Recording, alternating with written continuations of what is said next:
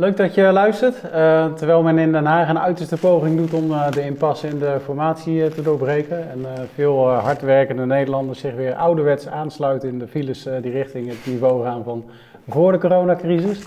Maken accountants en boekhouders zich op voor wat over het algemeen toch wel als een drukke maand beschouwd wordt. Naast alle btw-aangiftes die deze maand moeten worden ingediend, zijn er ook een heleboel jaarrekeningen die nog afgemaakt moeten worden. Nou, des te belangrijker om ook een beetje aan uh, ontspanning uh, te denken. Dus uh, ga er maar even lekker voor zitten. Dit is de 26e aflevering van de Vision Planner podcast. naast mij zit collega Joris Joppen. En we hebben een gast vandaag. Um, ze is schrijfster, spreekster en ondernemer. En door haar inspiratie en energieke uitstraling verandert iedere saaie boekhouder binnen no time in een winstadviseur. Um, welkom in onze podcast, Femke Hogema. Thanks Arjan. Leuk hier te zijn. Ja, vinden wij ook, uh, vinden wij ook hartstikke leuk. Um, Femke, kun je, ja, kun je wat vertellen over jezelf? Wie ben jij en uh, wat, is, uh, wat is Profit First? Ja, dat is goed. Nou, je begon wel goed. Je had iets over energie en ik denk dat dat een van mijn kernwoorden is. Ik vind energie heel belangrijk. Energie in mijn eigen leven, in mijn werk, in het vak. Um, dus ik denk dat een beetje energie in het boekhoudvak niet verkeerd is.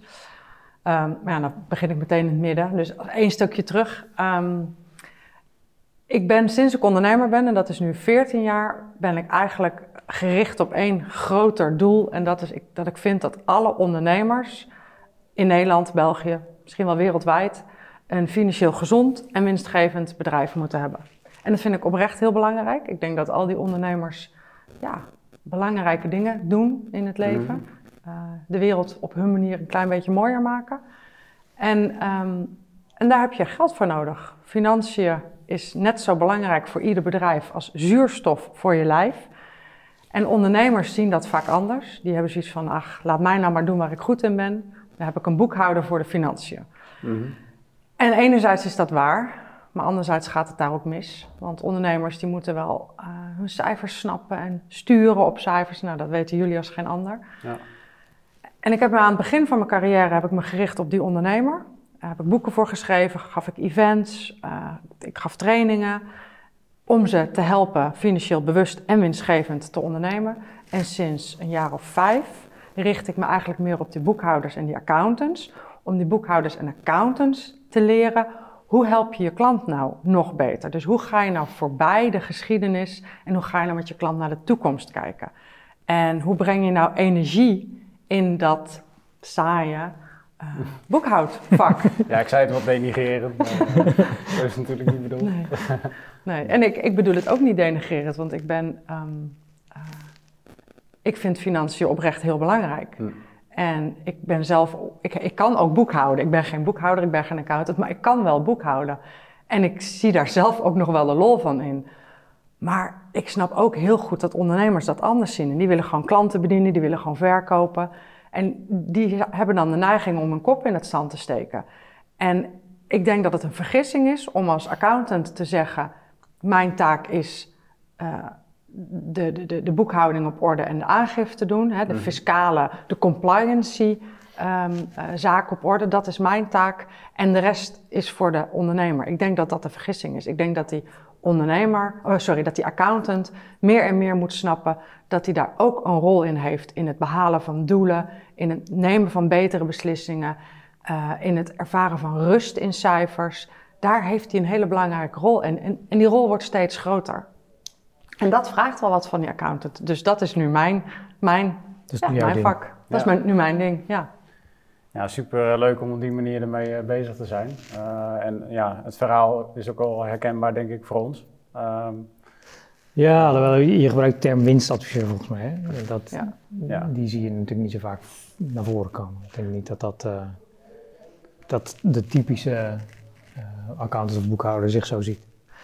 Nee. En winstadviseur um, is voor mij ook wat breder dan het alleen maar adviseren over winst. Mm -hmm ja, dan kom ik toch weer terug op saai. Um, wat het probleem is, ga, ga, op een feestje en zeg ik ben accountant. Ja, daar is nog nooit iemand op een feestje blij van geworden. Oh, wat leuk, je bent accountant. nou, weet je? wacht eens even, ik ben accountant.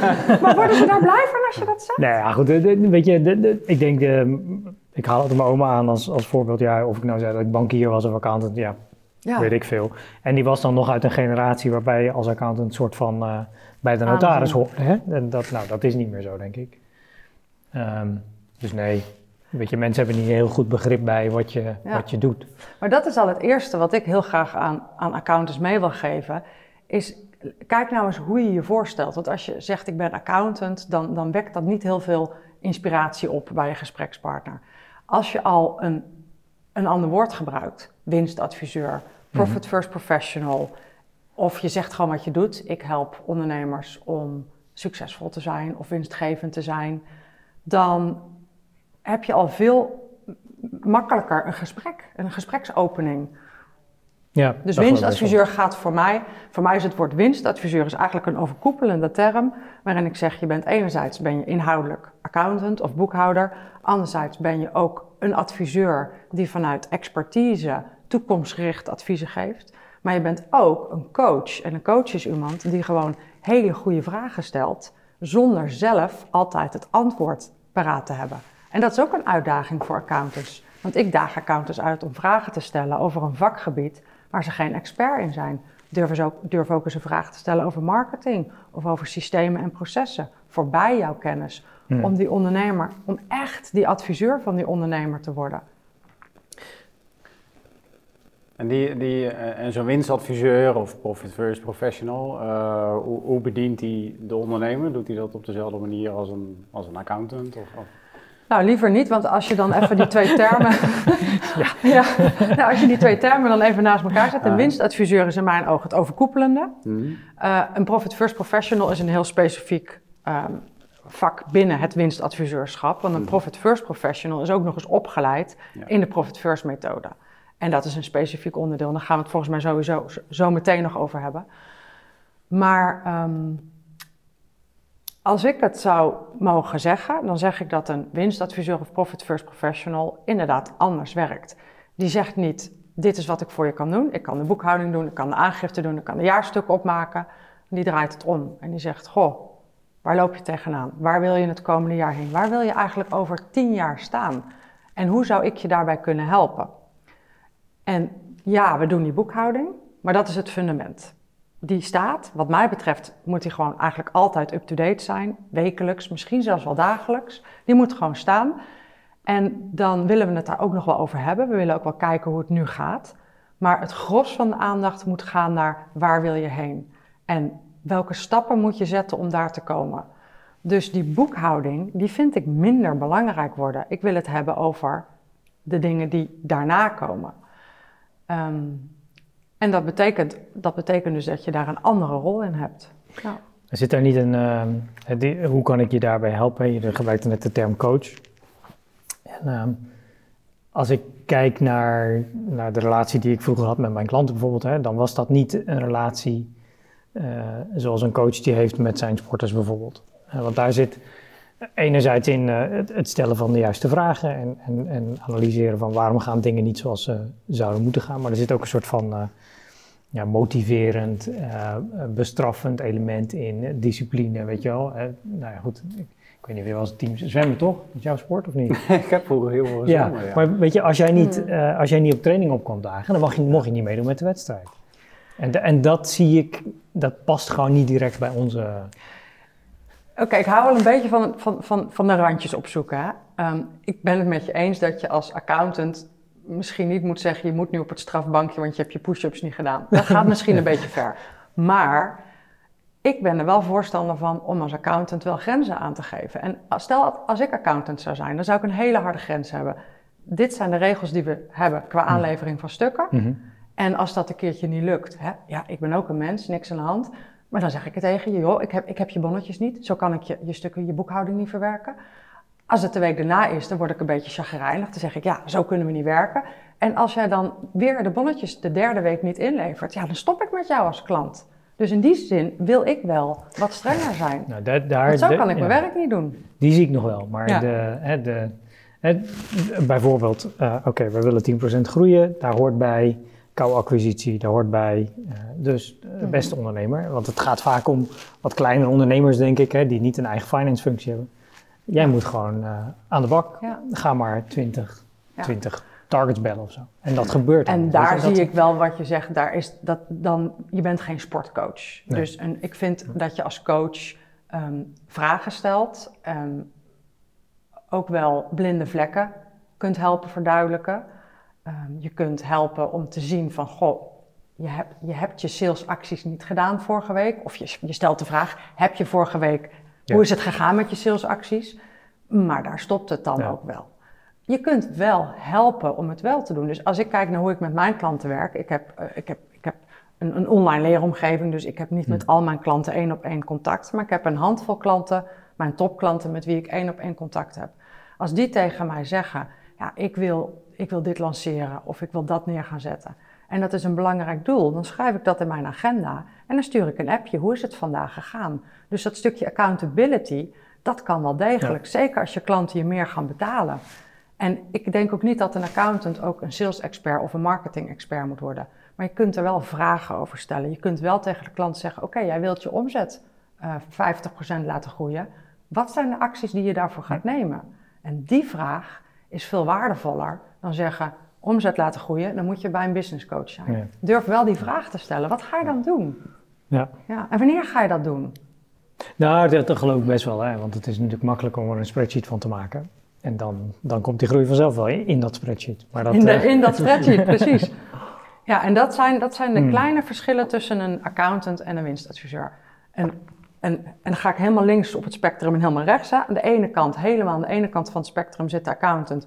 Die maakt een begroting voor de klant. Die stuurt de klant een begroting toe en die zegt: Dit is je begroting voor 2022. Hmm. En de ondernemer, nou, die ziet dat en die legt het in zijn digitale la. En aan de andere kant zit de winstadviseur en die zegt: Zullen wij volgende week eens even een halve dag samen gaan zitten? Dan gaan we samen je plannen maken voor 2022. En dan geef ik jou, de ondernemer, uh, het woord. En dan ga jij vertellen wat je wil. En dan vertaal ik dat in een Excel-sheetje, maar dan is het jouw plan. En niet mijn plan wat hmm. ik, uh, wat ik ja, ja, uit mijn boekhouding heb getrokken, geëxtrapoleerd. En alsjeblieft, veel succes ermee. Dat is het verschil. Ja. ja. Nou, heeft uh, iedere uh, accountant, boekhouder het in zich om, uh, om winstadviseur te zijn? Nou, dat denk ik niet. Dat, weet, dat, is een hele spannende vraag. Maar ik denk, je moet, als je het wil, dan denk ik dat je, dat je het kan. Maar het begint bij willen. Wil je dat? Wil je die vaardigheden leren? Wil je een betere vragensteller worden? Uh, wil je um, ook durven om daar andere tarieven aan te gaan hangen, om op een andere manier je prijsstelling vorm te geven. En waarom zeg ik dan uh, in eerste instantie dat denk ik niet? Ik denk dat een aantal accountants accountants zijn geworden omdat ze liever, en dat is wederom niet onaardig bedoeld, maar liever contact hebben met de computer en de cijfers dan met de mensen. En als je dat echt liever hebt, ja, kies daar dan ook voor. En zeg dan, ik zorg dat ik een baan creëer waarin ik dus geen winstadviseur hoef te worden. Hm. En ik denk dat die banen blijven bestaan. Ja, misschien, je zou het ook kunnen zien, misschien gaat het ook steeds meer gebeuren, dat het, dat het echt verschillende rollen wel worden. Ja. En ik denk dat er ook nieuwe rollen gaan ontstaan, de data-analyse uh, rollen. Hm. Hm. Ehm, ja. Dus, dus, nee, dus durf te kiezen. Ik denk dat kiezen zo belangrijk is. Durf gewoon te, te weten, hey, dit vind ik leuk, dit kan ik goed, hier heb ik zin in en daar ga ik voor kiezen. En als dat niks te maken heeft met, ja, met coaching en met, met advies geven, ja, dan, dan beter niet. Hm. Nee. En als mensen die skill zullen leren, dan kunnen ze bij jou terecht ook? Ja.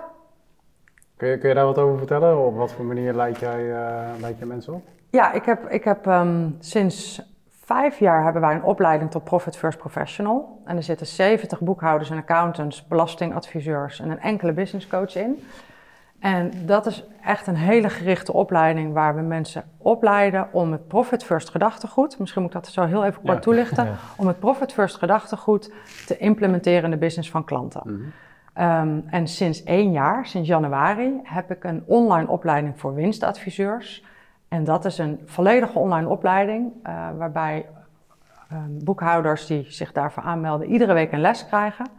En dat is een videoles en een opdracht. En ik, de opleiding heet Winstadviseur in 30 minuten per week. Een jaar lang, iedere week, 30 minuten een, iets leren, een onderwerp over marketing en sales en prijzen en coachingsvaardigheden. En dat een jaar lang. Dus dat zijn eigenlijk de twee dingen die ik heb.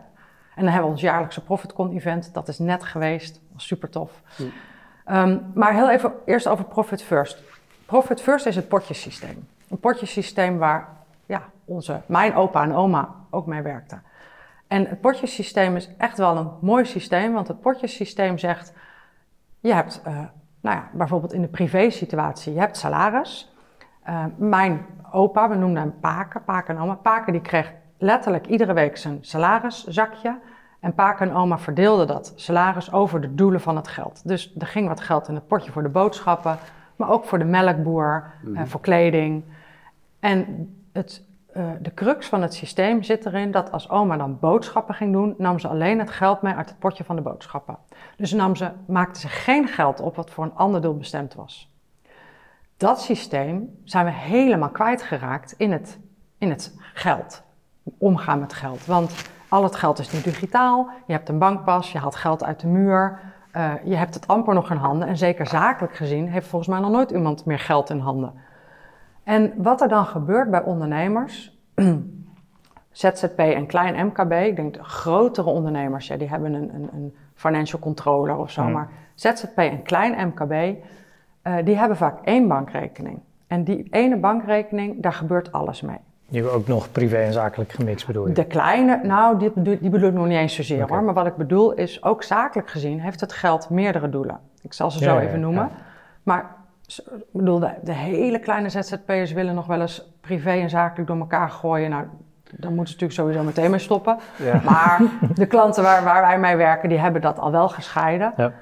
Um, maar dan nog heb je één zakelijke bankrekening en die geeft informatie. Daar staat bijvoorbeeld op, uh, nou weet ik veel, ik heb 60.000 euro. Gaat lekker. Terwijl wij als financieel expert snappen, ja, dat zegt niks. Als jij morgen een aanslag krijgt van de fiscus van 84.000 euro, dan is 60.000 niet, niet, niet, veel geld. Als jouw, jaar, of jouw maandelijkse salarisrun uh, eh, 60.000 euro is, dan is dit nog best wel spannend. Want als je morgen per automatisch incasso de telefoonrekening betaalt, kun je je salarisrun niet meer draaien. Dat weten wij.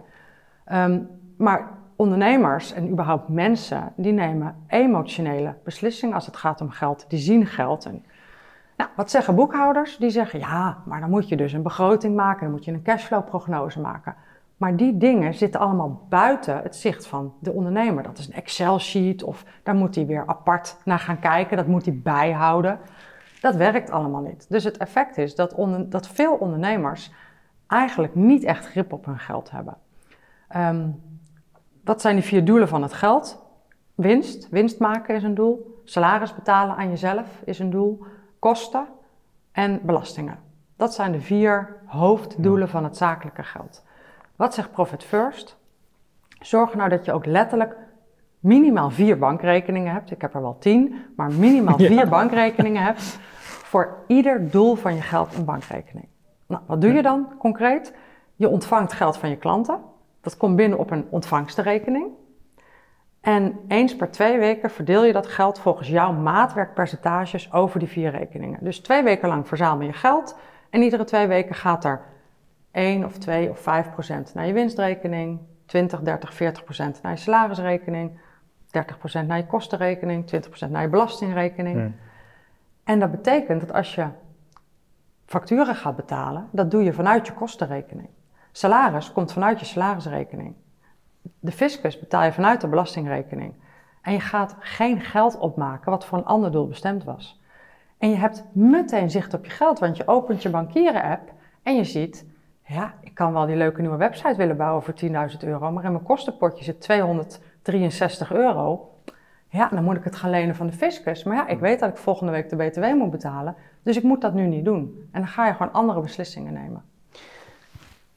Daar, daar, daar ging het bij mij scheef, eerlijk gezegd. Toen, ik, toen je het luisterboek luisterde? Nou ja, ja, toen ik het luisterde, want ik, ik dacht van ja, maar um, daar hebben we toch de boekhouding voor. Als dit zo is, hè, stel dat dit wel werkt, dan hebben we enorm gefaald als, als uh, Pacholi-aanhangers. Want weet je, we hebben een rekening daarop staat te betalen belastingen en we hebben allerlei reserveringen kun je maken totdat je aan ons weegt.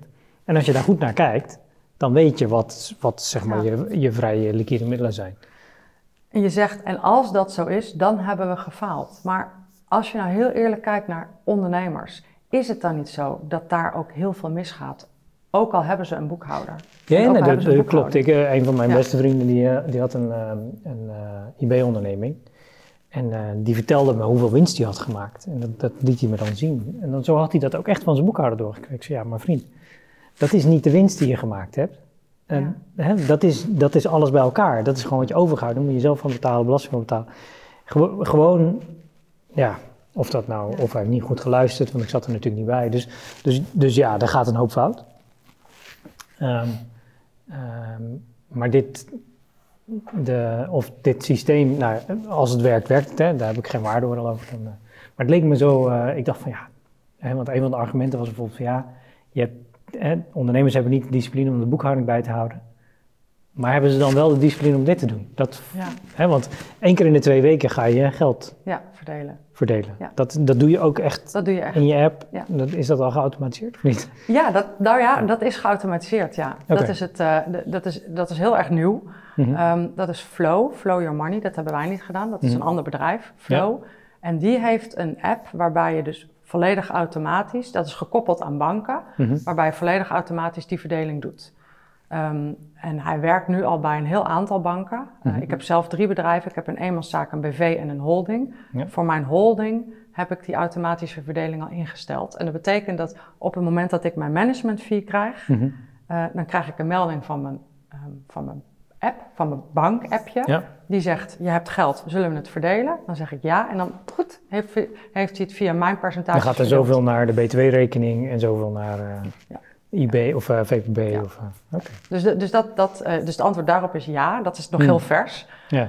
Um, en ik snap wel wat je zegt, want je zegt ja, volgens mij, ik hoor je enerzijds hoor ik je zeggen van zo simpel kan het niet zijn. Ik hoor je ook zeggen ja, maar ondernemers zijn toch niet zo dom en ook, en als ze de discipline niet hebben om een boekhouding bij te houden, waarom hebben ze dan wel de discipline voor die potjes? Ja.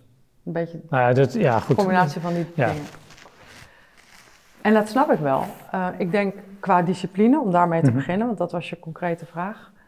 Um, op het moment dat je, dat je Profit First gebruikt, dan als je dan je geld niet verdeelt, ja. dan kun je vervolgens ook niks meer. Dus de druk is wat groter. ja, oké. Okay. Ja. Um, daarnaast is het verdelen van het geld, zelfs zonder appje, kost je dat misschien twee minuten. Mm -hmm. um, we, we, zien gewoon wereldwijd bij honderdduizenden ondernemers wat de effecten zijn. En ik zie het ook bij mezelf. Ik zie bij mezelf ook wat de effecten zijn. Dus ik weet dat het werkt. In Nederland al bij duizenden ondernemers. Ik krijg wekelijks krijg ik mailtjes van ondernemers die mm -hmm. zeggen: Dit heeft alles voor mij veranderd. Ik ben hierdoor meer winst gaan maken. Ik snap eindelijk hoe het zit. Ik heb zelf, ik heb uh, een profit assessment is een, een, een, een financiële gezondheidscheck volgens het Profit First systeem. Nou, toen ik dit naar Nederland bracht, heb ik dat eerst zelf voor klanten gedaan. Uh, nu doe ik dat niet meer zelf. Maar dan hadden klanten die zaten huilend bij mij op kantoor, omdat ze zeiden: Maar nu snap ik het pas. Nu snap ik pas waarom het in mijn bedrijf gaat zoals het gaat. Ze werden, voorheen werden ze overspoeld met een jaarrekening. Die bestaat er allereerst bestaat die al uit 40 bladzijden, waarvan jij en ik weten dat je moet bladeren naar de winst- en verliesrekening en mm -hmm. naar de balans. Maar zij krijgen 40 bladzijden en denken: waar moet ik nu beginnen? Mm. Vervolgens moet je dus en naar de balans kijken en naar de verlies- en winstrekening. Maar dan weet je eigenlijk nog niet wat er privé qua winst overblijft. Zoals die vriend mm. van jou, yeah. die zei: Ik heb winst gemaakt. Maar waar is het eigenlijk? Yeah. Um, en je kan wel zeggen dat, dat er ergens een reservering staat voor te betalen belasting of te betalen premies of een beetje complex vakjargon. Ja, ja, nee, ja. Maar ja, dan moet de ondernemer daar maar naar kijken. Um, dat is veel informatie. Wij vatten dat eigenlijk samen in vier getallen. Doordat je die vier bankrekeningen hebt. Ja, plus dat als je daar een assessment over doet, kun je er natuurlijk mooie grafiekjes van maken met hmm. taartpuntjes. Vier getallen die eigenlijk een, een, een soort van dwarsdoorsnee geven van de balans, de winst- en verliesrekening, de privésituatie en eigenlijk ook hmm. nog de actuele situatie bij de fiscus. Al die dingen in vier getallen. Dat is voor alle ondernemers, of het nou hele slimme ondernemers zijn, topondernemers, grote ondernemers, dat is zo verhelderend. Um, en er zit ook een, een enorme uh, gedragscomponent in. Um, een boekhouding, die, dat is een, een papieren tijger. Daar moet, je, daar moet je in. Soms loopt die achter op de, op de tijd. Um, gedrag is, ik open mijn bankappje en ik doe mijn betalingen. Dat is dagelijks gedrag. Dus op het moment dat je met Profit First zegt, ik sluit aan bij het gedrag wat die ondernemer toch al heeft, namelijk we moeten die bankapp in überhaupt om betalingen te doen, zitten we heel dicht bij ja, hoe die natuurlijk werkt. Dat is iets anders dan dat je zegt, ja, ehm, ja, weet je, de boekhouding loopt wel een beetje achter twee weken, maar goed, je kunt er toch wel wat in zien. Hmm. En dan moet je in je hoofd eigenlijk nog even er wat bij optellen. Maar ja, die debiteur heeft nog niet betaald. Vergeet niet dat je ook nog belasting moet betalen. Ja, we hebben ook nog van 2019 hebben we ook nog een terugvordering. Nou ja, ja, ja. ja. Dat, je kunt het ook omdraaien. Want je kunt ook zeggen, ja, maar in de boekhouding zitten een hoop dingen die... Ja, als jij je facturatie niet, niet doet en het geld van twee maanden geleden komt binnen... en je kijkt naar je bankje en denkt, oh, dat gaat goed dan, heb, dan zit er ook iets scheef. Dus het, het, maar je propageert volgens mij ook niet dat we, dat we niet meer naar die boekhouding nee, kijken. Ik denk dat die boekhouding als fundament er moet zijn en dat die boekhouding informatie geeft. Als, mijn man vraagt wel eens aan mij: ehm, wat zijn eigenlijk jouw KPI's? Waar stuur jij op? En dan denk ik even na en dan zeg ik: Profit First, mijn bankrekeningen en aantal aanmeldingen op mijn webinar. Dat zijn mijn KPI's. Dus in alle eerlijkheid, ik snap een boekhouding heel goed. Ik kan ook boekhouden, maar ik kijk er niet zo vaak meer naar. Maar je, Profit First geeft mij heel veel informatie. Ja. Initieel heb je dat wel nodig, denk ik, om dat assessment bijvoorbeeld te doen. Ja, maar dat doet mijn Profit First Professional voor me. Ja, oké. Ja. ja, goed, ik, ik, zie het een beetje als, uh, ik zie het toch wel een beetje als een... Uh, uh, met alle technologie die we hebben en alle... Want een boekhouding is natuurlijk niet meer papier en, en zou elke dag bij kunnen zijn. En, en je zou natuurlijk prima uh, de jaarrekening kunnen reduceren tot die vier cijfers. Alleen dat hebben we niet gedaan. Maar dat gebeurt niet. Nee. En ja, weet je, ik denk dat het heel gezond is om te hm. zeggen van goh, is dit nou nodig? Werkt dit? Kunnen we niet gewoon de boekhouding? Ja. Ik denk dat ook veel luisteraars diezelfde gedachten hebben. Um, ik, ik doe dit nu uh, vijf jaar in Nederland met duizenden ondernemers. En we zien het internationaal bij honderdduizenden. Ik ben zelf financieel best wel slim. Uh, en ik zou niet meer zonder dit systeem willen. Toen corona langskwam, um, kregen wij mailtjes van mensen die zeggen: Dankzij Profit First maak ik me eigenlijk geen zorgen. Ik heb zelf, ik doe veel interviews en ik werd laatst gebeld voor, voor een interview. En toen zei uh, die persoon die vroeg aan mij: Maak jij je nooit meer zorgen over geld? En toen dacht ik even na en toen zei ik: Ik maak mij nooit meer zorgen over geld. Sinds ik met Profit First werk, maak ik mij nooit meer zorgen over geld. Terwijl vroeger, ik heb ook wel s'nachts, ben ik om vier uur s'nachts wakker geschrokken van. Oh, als ik nou straks de belastingaanslag krijg, ten eerste, wanneer zal die komen? Maar heb ik eigenlijk dat geld wel gereserveerd en hoeveel heb ik gereserveerd? En welke andere facturen moet ik nog betalen? Die berekeningen van debiteuren en crediteuren en belastingen en wat er op mijn bank staat, deed ik dan om vier uur s'nachts. Ik heb dat sinds ik met Profit First werk nooit meer gehad. Ik weet dat al mijn belastinggeld gereserveerd is. Ik weet dat ik iedere maand salaris krijg hmm. en dat ik buffers heb. Dus ook als er nu drie maanden niks zou gebeuren, wat in mijn business gelukkig niet kan, omdat ik vaste klanten ook heb. Maar zelfs dan zou ik salaris krijgen. Dan zou mijn team salaris krijgen. Ehm, dus ik maak mij nergens meer druk over. Zelfs de mensen die mij vooruit betaald hebben, dat geld heb ik buiten beeld gezet. Dat is weer een andere bankrekening. Dat is weer een andere bankrekening. maar dat betekent dat zelfs als ik nu, om wat voor reden ook, zou stoppen met werken, ik het komende jaar mijn klanten nog kan bedienen, omdat dat geld gereserveerd is. Ik heb dat geld niet opgemaakt. Ik heb deze maand heb ik mijn, heb ik, had ik een gigantisch bedrag ontvangen van klanten. Dat ik echt dacht, nou, goede maand. Toen ging ik dat geld netjes verdelen, volgens Profit First. En toen dacht ik, dit is helemaal geen goede maand. Ik heb gewoon minder verdiend deze maand dan vorige maand. Maar al dat overflow aan geld heeft te maken met mijn event, hmm. hele grote vooruitbetalingen. Dus ik heb deze maand helemaal geen goede maand gehad. Ik heb gewoon veel cash binnengekregen. Maar dat is wat anders. Ja, ja maar dat, dat fundament, dat zou de dat zou een typische boekhouder natuurlijk ook uit moeten kunnen leggen. En dat... Maar heeft de boekhouder daar tijd voor? Nou, ik denk dat dat een uh, terechte uitdaging is. Ja. Als je nu naar de markt kijkt. Ja. Mm, ja, ik denk, kijk, als ik ga kijken hoeveel prognoses, hè, wat wij dan kunnen zien in onze applicaties, hoeveel prognoses draaien er. Hmm. Ja. ja. Um, daar wordt wel op die manier naar, naar gekeken als het goed is. Hè. Naar, als die boekhouding bij is, dan... Ja. Ja, maar het, het ja. Ja, maar het grappige is wel, denk, denk ik dat nou, als ik kijk naar wat voor ondernemers zijn er die die, die prognoses opstellen, uh, zijn, zijn dat vaak ook wel de wat, wat grotere ondernemingen. met financiering, met vaste activa, investeringen, waarbij het plaatje misschien alweer wat complexer wordt. Ehm, dat zou best kunnen, daar heb je gelijk. Wat, wat, ik, wat ik denk is, ik, ik zeg altijd tegen boekhouders en accountants, je hebt alles in je om die ondernemer advies te geven. Ehm, je hebt het allemaal in je. Je snapt hoe, hoe zijn prijzen opgebouwd zouden moeten zijn. Je ziet wat er met de debiteuren gebeurt en dat hij daar wat mee moet. Je ziet dat hij zijn lening misschien beter kan oversluiten. Je ziet dat, hij, dat de marges inkakken. Je ziet het allemaal. Hmm. Maar neem je ook de tijd om het te analyseren? Neem je ook de tijd om het terug te koppelen aan de klant? Neem je ook de tijd om het op te volgen? Neem je ook de tijd om hem daarbij te helpen? Of ben je gewoon zo ongelooflijk druk met die BTW-aangifte en die IB-aangifte en die VPB-aangifte, dat je nooit echt de tijd neemt om hem daarmee te helpen.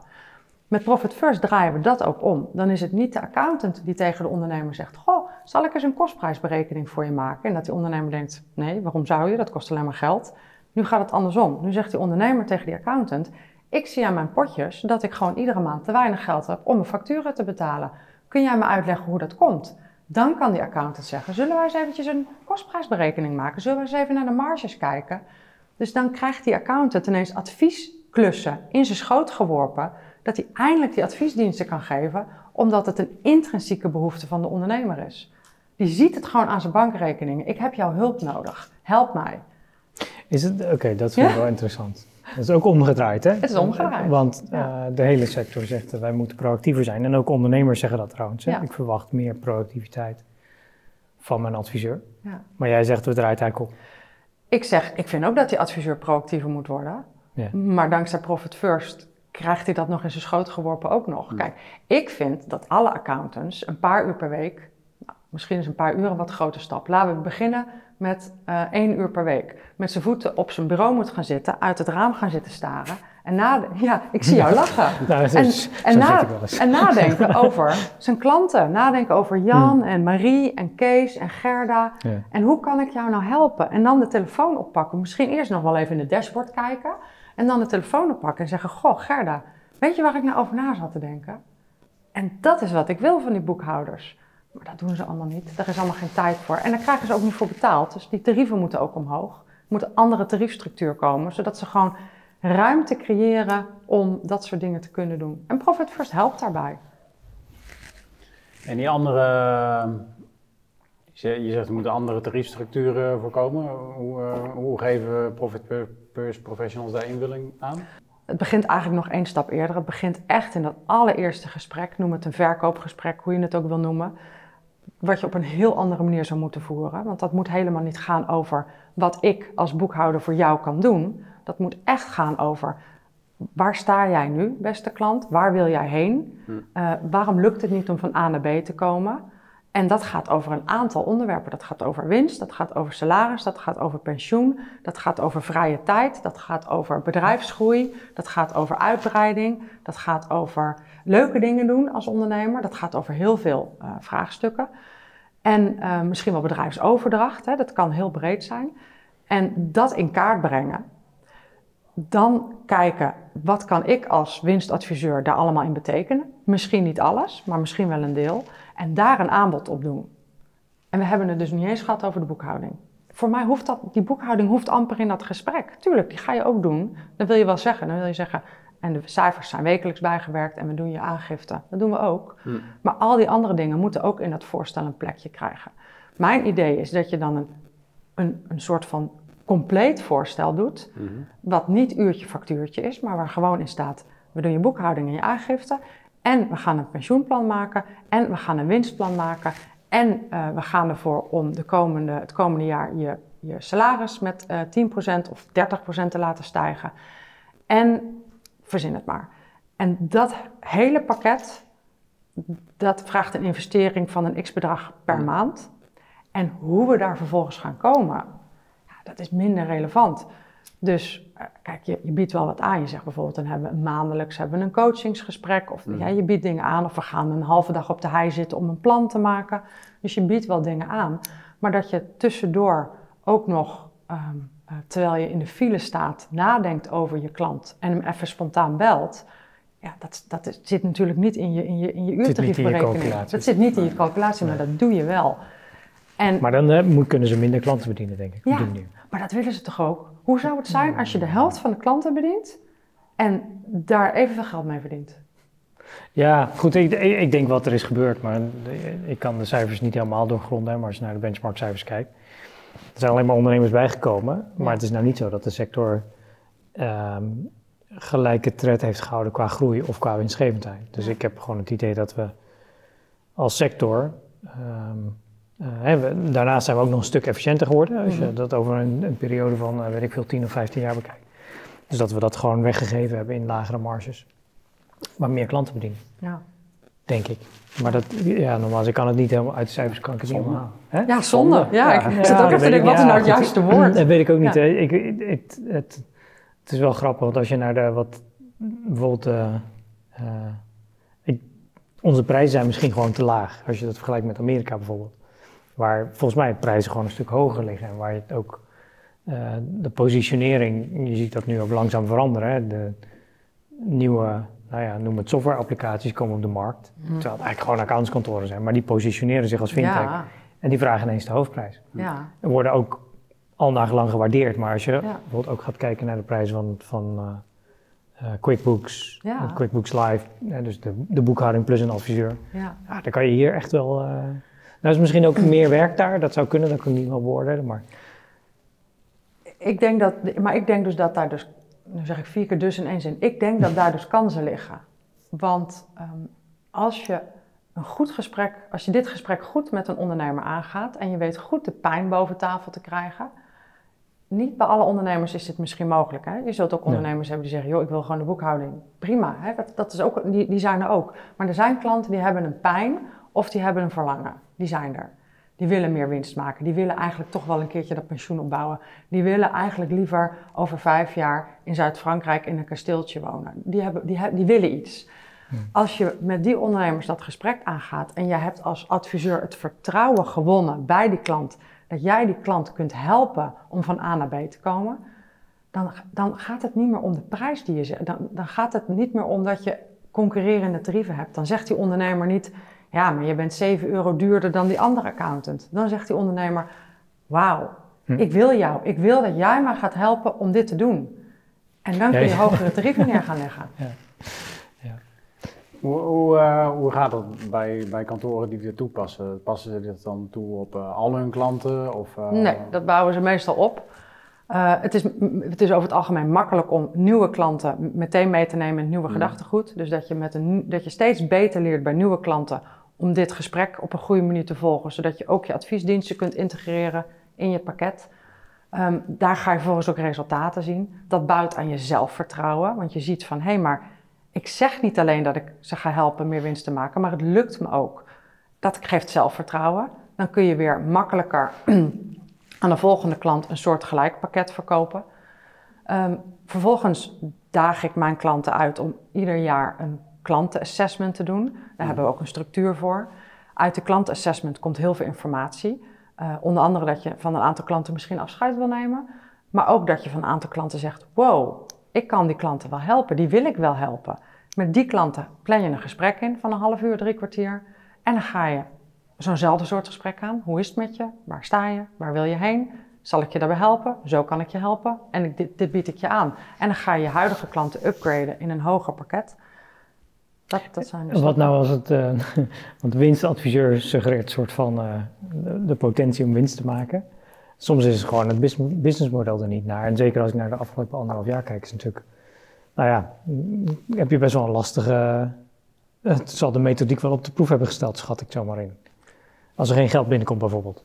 Ja, als er, geen, als er geen geld, kijk, als er geen geld binnenkomt, dan valt er ook niet zoveel te managen qua geld. Dan kun je hoogstens nog meedenken over nou ja, overheidssteun of uh, andere... Of, of het, schade beperkende Schade beperken. Ja, ja. Um, of het systeem op de proef is gesteld, ik denk het niet. Ik denk dat het systeem zich juist heeft bewezen. Ik denk dat we nu beter dan ooit weten hoe belangrijk het is om buffers te hebben en uh, je, je geld goed te managen, goed grip op cijfers te hebben.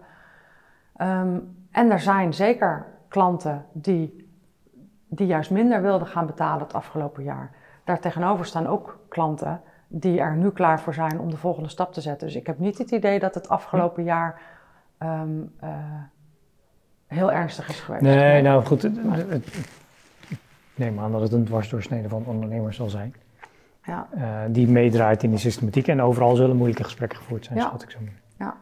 Of, of nog gevoerd gaan worden. Ik heb, ik heb mijn klanten uh, een beetje gedrild van hou nou dat contact goed.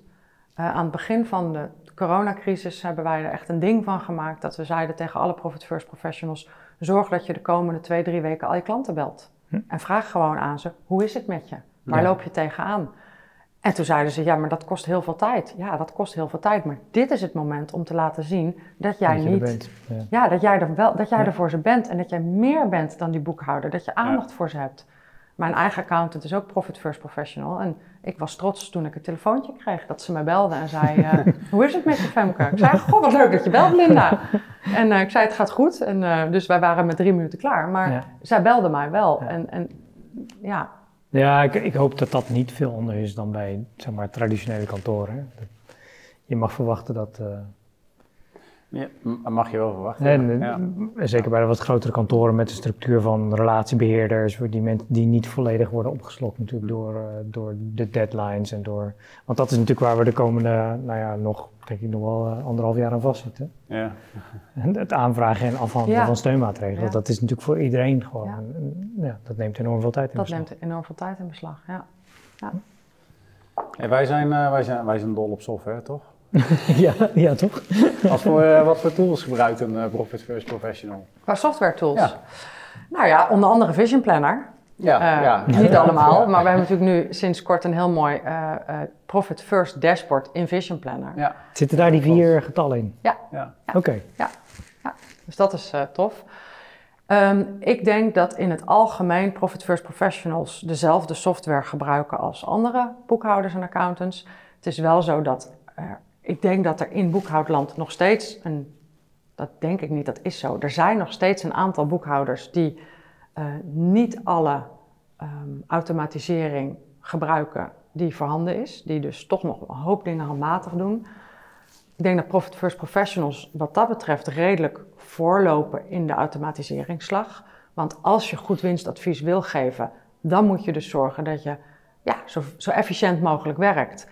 Um, ik neem geen klanten aan als Profit First Professional die een boekhouding handmatig doen. De, die kunnen geen Profit First Professional worden. Dat vind ik gewoon, dat kan gewoon niet. Um, dus ze hebben allemaal goede moderne boekhoudsoftware, uh, fiscale software die eraan gekoppeld is, rapportagesoftware. Um, zijn er een beetje bij. Ze zijn bij.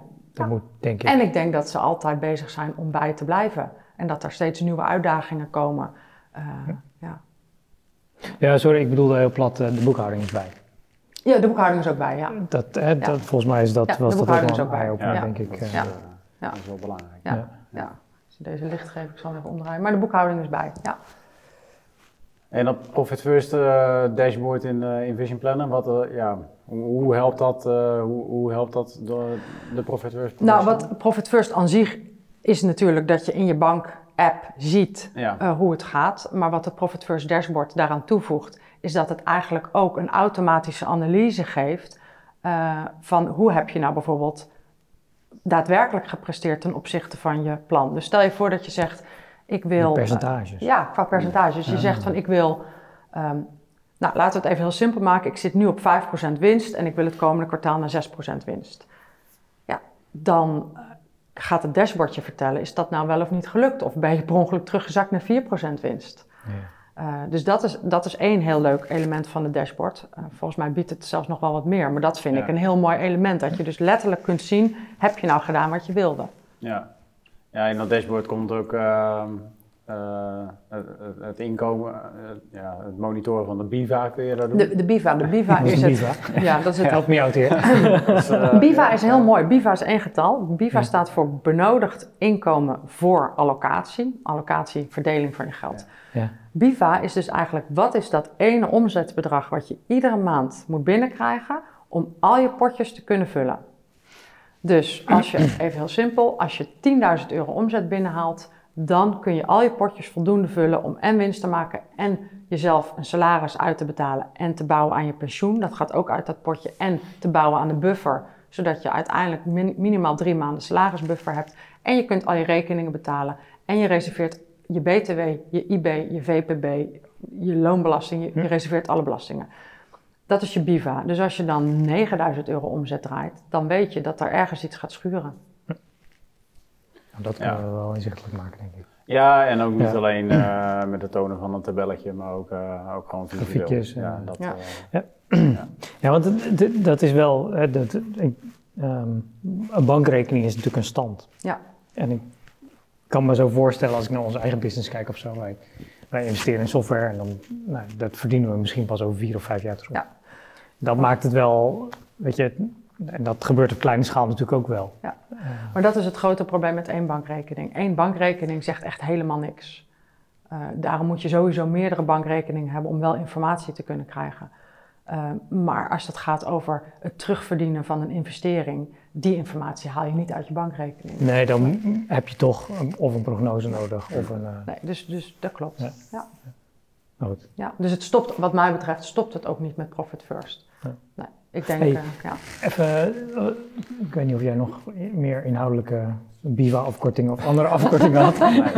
maar misschien even heel even over de, de sector zelf. Ja. Want uh, ik weet niet wat jij daar, wat wij zien is, um, nou ja, um, mensen hebben het heel druk.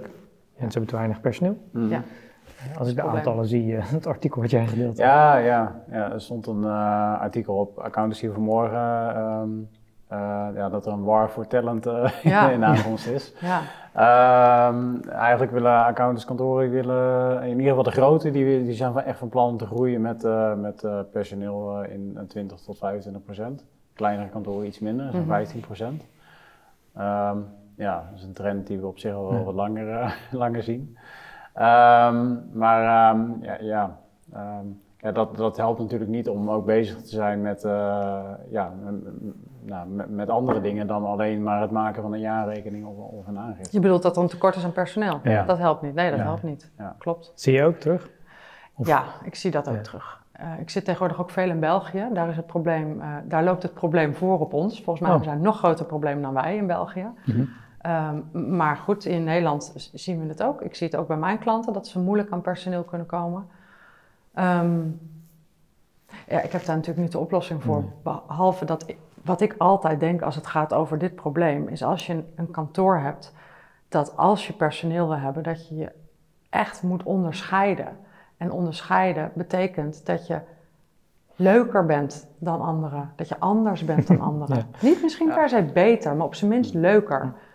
Want als ik dan financieel professional ben en ik kom net van school af en ik kan kiezen tussen de grijze massa of een gek kantoor, een anders kantoor, een kantoor met hele gekke arbeidsvoorwaarden, waar bijvoorbeeld niet gekeken wordt naar het aantal uur dat je werkt, of dat je juist verboden wordt om meer dan 40 uur per, verzin het maar, of waar je iedere week in de basistijd twee uur mag studeren aan je advieskwaliteiten, of uh, verzin het maar. Ik denk dat dat een van de grote uitdagingen is. Hoe ga jij je onderscheiden van de grijze massa?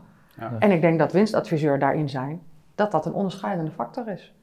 Ik denk zeker voor de kleine kantoren wordt het wel lastig. Als je, zeg maar, het, alhoewel de, het wervingsgeweld van de grote kantoren, op school verlaten in ieder geval. Um, je ziet dan ook wel weer mensen uitstromen, denk ik, die dan naar de kleinere kantoren gaan. Dus dat, uh, Maar ik ben wel benieuwd hoe dat ze uitpakt. Ja, dat wordt spannend. En ik denk dat er dan ook andere oplossingen gaan ontstaan. Die hadden jullie ook in de podcast uh, vorige week of twee weken. Ja, outsourcing. Ja, ja, ja, ja, outsourcing, dat soort dingen. Ja, en dat wordt dan ook uh, interessant. Andere voorbeelden bovendrijven.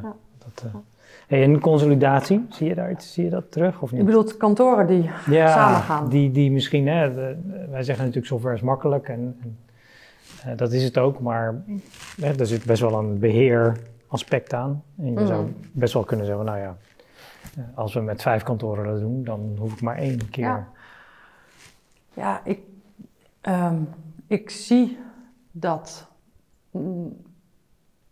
Ik kan me voorstellen dat dat op een gegeven moment meer gaat gebeuren. Ja. Het lastige is natuurlijk dat je.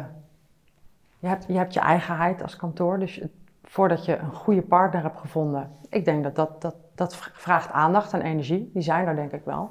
Ik denk dat dat wel uh, zeker kan gaan ontstaan. Maar ik denk dat er dus ook andere manieren zijn. Ik zie bijvoorbeeld een aantal van mijn klanten die zeggen: Ik wil eigenlijk die boekhoudfunctie minder doen. Mhm. Eh, ik wil eigenlijk vooral die adviesfunctie doen. Dus die gaan samenwerken met een iets groter kantoor. En die laten de hele boekhouding en aangifte door dat grotere kantoor doen, zodat ze zelf lekker profit first-achtige dingen kunnen doen. Uh, dat zie ik ook gebeuren. Um, ik denk dat als je echt een eenpitter bent, een heel klein kantoor, en je wil en de boekhoudingen doen, en de aangifte, en je wilt alle moderne software up-to-date houden, en je wil winstadvies geven, dat dat een aardige klus is. Dus ik kan me voorstellen dat dan op een gegeven moment andere mogelijkheden interessant gaan worden. Ja, nou, ik denk dat uh, zeg maar de, de lokale geworteldheid van, zo'n, van de wat kleinere kantoren, en trouwens de grote hebben we mm ook, die hebben ook ja.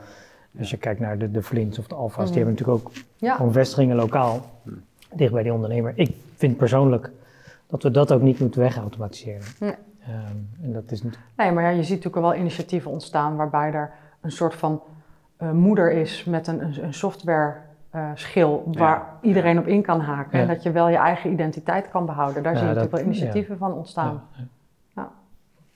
Grappig, maar daar past Profit First gewoon in. Ja. Als ik het zo beluister. Zeker. Hey, wat, wat doet het uh, misschien, nou, ik weet niet uh, hoe we zitten qua tijd. Maar, ja, we moeten wel een beetje gaan afronden. Ja. wat doet het met uh, het, zeg maar, de winst van het kantoor zelf? Onze winst? Nee, niet jouw winst. Hoef van het kantoor zelf? ja. ja. Um, Als ze deze systematiek, want ik hoor prijzen gaan omhoog, maar je moet er ook meer tijd in steken. Ja. Um, ik heb geen harde getallen, dus ik, ik kan niet zeggen van de winst van we hebben trouwens wel internationaal hebben we wel wat getallen waaraan we hmm. zien dat de winst wel omhoog is gegaan. Er zijn internationaal wel wat, uh, wat onderzoeken naar gedaan. Ja. Um, uh, als je gewoon afgaat van de geluiden, dan gaan Profit First Professionals ook zelf ook meer winst maken. Ja. Het zit hem in een aantal dingen. Het zit hem namelijk in um, de prijzen. Maar het zit hem ook in zelf werken met Profit First, waardoor je op een andere manier je geld gaat managen. Um, het zit hem ook in systemen en processen en team op de juiste manier inzetten, waar wij ook bij helpen. Van, het gaat niet alleen maar over dat je zelf hogere tarieven gaat vragen. Het gaat er ook over dat je uh, systemen het werk laat doen, dat je je processen het werk laat doen, dat je op de juiste manier dingen aan je team delegeert. Dus het is, het is winst, maar het is ook een stukje werkplezier. Het is ook gewoon um, minder hard hoeven werken. En in alle eerlijkheid, het, het, kost vaak ook wel heel hard werken om zover te komen. Maar op een gegeven moment minder hard werken. Het is wel eh, leuk werk. En het is leuk Uiteindelijk is het een veranderingsproces. Het is een veranderingsproces, ja. ja. Verfrissend. Ja. Ja, toch? Um, toch? Ja, ja? toch. Ja, want je, je, je, je bent wat, kritische vragen. Ja, want je bent wat sceptisch. um, um, dus ik, ik, weet dat we aan het eind van de tijd zitten, maar ik was dan toch wel benieuwd, Joris. Want je bent wat sceptisch. Maar zou er wat tegen zijn om Profit First te gebruiken? Nou ja, het, het, tegenargument voor mij zou zijn, voor mij persoonlijk, hè, ik, ik run geen kantoor, maar de, ik heb het idee dat het uh, extra werk is, wat eigenlijk niet nodig is. Oh ja. Als je je rol goed vervult. En, maar ik denk dat daar een grote disconnect zit, er is in België ook wel eens onderzoek naar geweest. Um, um, als je dus ja, er is een disconnect tussen wat die, die boekhouder of dat accountskantoor doet en wat die ondernemer daarvan begrijpt. Mhm. Die begrijpt het over het algemeen niet. Mhm. Ehm, en als je dat dicht bij elkaar gaat brengen, dan leidt dat niet alleen tot beter begrip en een betere relatie, maar het leidt bijvoorbeeld ook tot meer adviesomzet. Ja. Voor zover je dat dan kunt meten, hè, want daar ben ik zelf wel. Ik denk dat we dat niet heel erg objectief kunnen maken, maar als die en nu is het zo van, nou, ik ontzorg je, laat het maar bij mij, ik regel wel. En als ik zeg dat je iets moet tekenen of iets moet betalen, dan moet je dat maar gewoon doen. Mhm. Terwijl als je beter uitlegt wat er gebeurt aan die ondernemer, wat moet ik allemaal voor je doen, mhm. ehm, eh, en, en ook beter de cijfers uitlegt, dan leidt dat tot meer omzet. En ik denk, als we dat beter hadden gedaan, ja. Uh, met een boekhouding die bij was en, en, en weet je, iets sexier dan ik stuur je een kolombalans en succes ermee. Um, ja, dan denk ik dat je Profit misschien niet nodig had. Dan was iedereen winstadviseur al geweest. Nou, misschien wel. Ja, dat weet ik niet. Ja. nee, ik begrijp inmiddels wel dat er wat meer achter zit dan Er zit wel wat meer achter, ja. Het, systeem van bankrekening, want dat, uh, ja. dat ja, nu is het natuurlijk niet, niet... We hoeven ook niet helemaal op één lijn te komen, maar daar daar vinden we elkaar. Alleen de oplossing hebben we allebei een wat andere insteek. Want voor mij is de oplossing dus inderdaad, ga, ga eens even een hele andere hoek opzoeken. Ja. en we zien gewoon dat werkt. Maar goed, dat hoef ik niet nog een keer te zeggen. het begint met de winst. En dat, vond, dat vind ik wel, uh, dat vind ik wel goed, weet je. Um, onderaan de streep beginnen. Ja. ja, want die hebben we nog niet eens genoemd. Dat is dan nog een mooie afsluiter. Is er dan een afkorting voor? Ja. ja, want dat is het leuke ook van Profit First. Je, de formule wordt omgedraaid. De formule is niet omzet min kosten is winst. Maar de nieuwe formule is omzet min winst is kosten. Waarbij je nog steeds zegt, ja natuurlijk moet je omzet draaien. Zonder omzet geen bedrijf. Vervolgens ga je eerst nadenken over hoeveel winst moet ik nou eigenlijk maken? Hoeveel salaris heb ik nou eigenlijk nodig? Het pay yourself first principe. Eerst je eigen zuurstofmasker opdoen voordat je je buurvrouw kan helpen. Ja, dat. En dan moet mijn bedrijf dus kunnen runnen van de rest. En als dat niet lukt, dan klopt er iets niet in mijn verdienmodel. En dan moet ik dus een slag dieper gaan. Dan moet ik gaan nadenken over wat is mijn verdienmodel en waarom, waarom lukt het mij niet om hier geld mee te verdienen? Hm? Ja, dat is, dat is al een hele mooie manier van denken. Want ondernemers die dan zeggen, ja, maar dan kan ik de rekening niet betalen. Dan zeg ik, hé, hey, maar ga dan eens terug naar de tekentafel. Hoe ziet je verdienmodel er dan uit? En dan heb je weer een gesprek. Ja. Ja. Nou, ja. Mooi moment om af te sluiten. Ja, um, stel dat iemand zegt, ik wil winstadviseur worden. Dan hebben we uh, wordwinstadviseur.nl ja, dat is makkelijk. Nou, nou dat kan hier, iedereen onthouden. Dat kan iedereen onthouden. Zelfs als je in een auto zit of zo. Precies, ja. wordwinstadviseur.nl. En, uh, en dan hebben we profitfirstprofessionals.nl voor mm. mensen die Profit First interessant vinden. Oké. Okay. Dus, uh, Oké. Goed. Alright. Um, nou, Femke, hartelijk uh, bedankt voor, je, voor je aanwezigheid in de podcast. Ja, dank voor je uitnodiging, Marjan. We vonden het en leuk. Ja. Super, nice. Um, nou, hiermee sluiten we hem af, de 26e aflevering. Um, ja, leuk dat je luisterde, gekeken hebt. Um, je kan ons vinden op uh, Spotify, YouTube, uh, Apple Podcast. Uh, dus abonneer je ook. heb je vragen? ja, dan kun, ja. Je, dan kun je reageren. Of, je kunt altijd 5 sterren review geven. Sure. Ja, graag zelfs. ja. Goed, tot de volgende keer. Oké, okay. dankjewel. Doeg. Doei.